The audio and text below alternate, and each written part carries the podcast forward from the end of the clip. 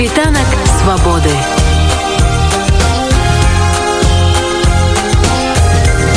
Світ вольнасці.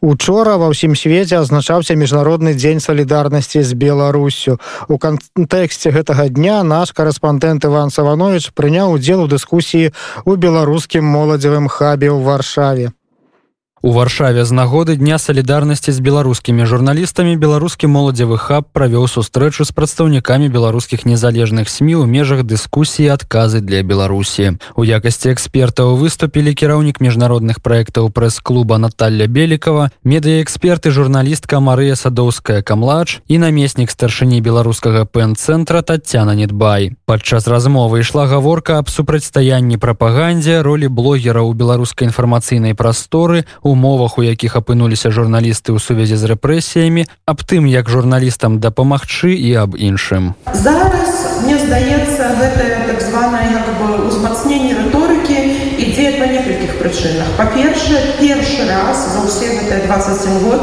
рэжым так доўга так мэтаскіравана рэпрэсуе столькіх людзей і медыя у тым ліку але ўвогуле з такую колькасць беларусаў столькі сем'яў столькі як бы знаёмых пацярпелі а тым больш з гэтага кола Таму гэта эмацыйная рэакцыя крыху людзей якія ўжо просто часам не могуць вытрымаць наверное самый простой и легкий способ для любого медиа если ты работаешь э, с откровенной э, пропагандой которая как бы сейчас они даже сама государственная вся эта политика сама себя называет не пропагандисты то есть они это уже не скрывают они сами себя так называют А, то самый первый и самый простой ответ на пропаганду, что контрпропаганда. Это на самом деле самый простой ответ, который многие медиа, это как такая легкая, легкий путь. А, просто делать то же самое, только со знаком плюс там или минус, неважно, то есть противоположным знаком. А поэтому, например, мы как пресс-клуб, в частности, для нас очень важно для того, чтобы медиа, которые, э, которым важно сохранить свое доверие своей аудитории к себе, важно сохранить именно как медиа, как институт, который то, что часто называют э, четвертая власть, да, э, для них очень важно сохранить свою аудиторию доверия, и для них важно соблюдать определенные стандарты. Нам кажется, что в долгосрочной перспективе именно те медиа, которые все-таки в своей работе ориентируются на э, стандарты классической журналистики качества, там, о подаче информации определенным образом, показывание разных боков. Здесь я не говорю, то есть показывать то есть пропаганду, контрпропаганду и что-то еще, относиться ответственно к своему контенту, то за такими медиа тоже будущее для Беларуси, для новой Беларуси. Пропаганда очень интересная, интересная тема. Первое, что хочу сказать, пропаганда работает. Если бы она не работала, ее бы так активно не использовали во всех э, репрессивных режимах, потому что если вы закрываетесь, если вы являетесь монополистом информационным и гоните только то, что вам нужно, рано или поздно а если у человека нет дополнительного источника информации, если он не ищет э, ничего другого, то он станет восприимчив к этой пропаганде, либо он просто вообще полностью, если он не может, например, то есть это все переварить и как-то свою голову под это подстроить, просто выключится вообще из информационного поля, перестанет на нем играть какую-то такую роль, уйдет, не знаю, э, будет только с соседями общаться там и так далее. Это с одной стороны.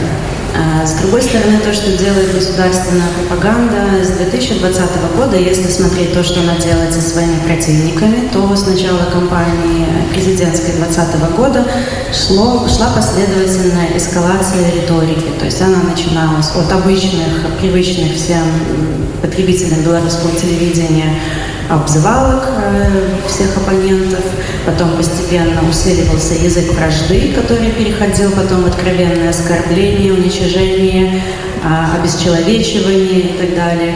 И к вот сегодня у нас уже начало 22 года она вылилась в абсолютно четкую э, милитаристскую риторику. То есть если раньше мы искали врагов э, в прошлом году в основном вне страны, внутри страны. Всех нашли, вычистили, мы искали врагов вне страны, то в этом году, весь этот год уже идет откровенная военная риторика. И более того, э, особенно риторика последних дней, это то, что война фактически неизбежна. Это то, что касается оппонентов, то посмотреть на то, как действует власть с пропагандистской точки зрения, то тоже, если заглянем в 20 год, власть в основном просто говорила о том, какая она замечательная, как она делает все правильно, как у нее все хорошо получается, как вообще лучше другой власти нету. И вот это вот тоже все усиливалось, усиливалось. И тоже вот к началу 22 года мы приходим к тому, что власть начинает сакрализироваться. А, начинает проявляться квазирелигиозное отношение к власти, к, к новой конституции. Вы, наверное, все видели все эти фотографии огромной конституции, на которой молятся там какие-то чиновники или еще кто-то. Это идет настолько сильно, то есть им дальше просто идти некуда. Им нужно возводить себя либо в культ, то есть Конституция – это место силы, это источник силы, и сама власть – это вот источник силы. То есть они уже надают себе какой-то полубожественный статус. Даже в последнем нашем отчете а, там даже кто-то обращался ну, к Лукашенко о том, что он а, не за него молится, а на него молится. То есть как на икону, как на что-то такое, то есть совсем обожествление. Мне кажется, что картина на лицо. А, как с этим бороться? Что делает пропаганда? Самое страшное, что она делает, она людей разделяет, атомизирует. Она, если общество так более-менее целостное и как-то взаимодействует друг с другом, что делает пропаганда? Она разделяет каждого отдельного. Каждый считает, что он один, что он сам по себе, и общество очень сильно распадается как целостное что-то такое. Поэтому, наверное, самым главным ответом которые медиа могут дать для пропаганды, это поддерживать эмпатию в обществе и думать о своих читателях, сопереживать, сочувствовать и помнить о том, что боль, которую переживают те, которые съели синюю пилюлю, она общая.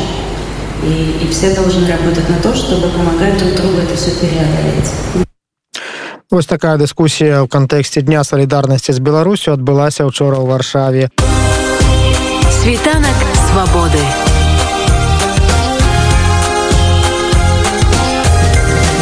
Kwit wolności.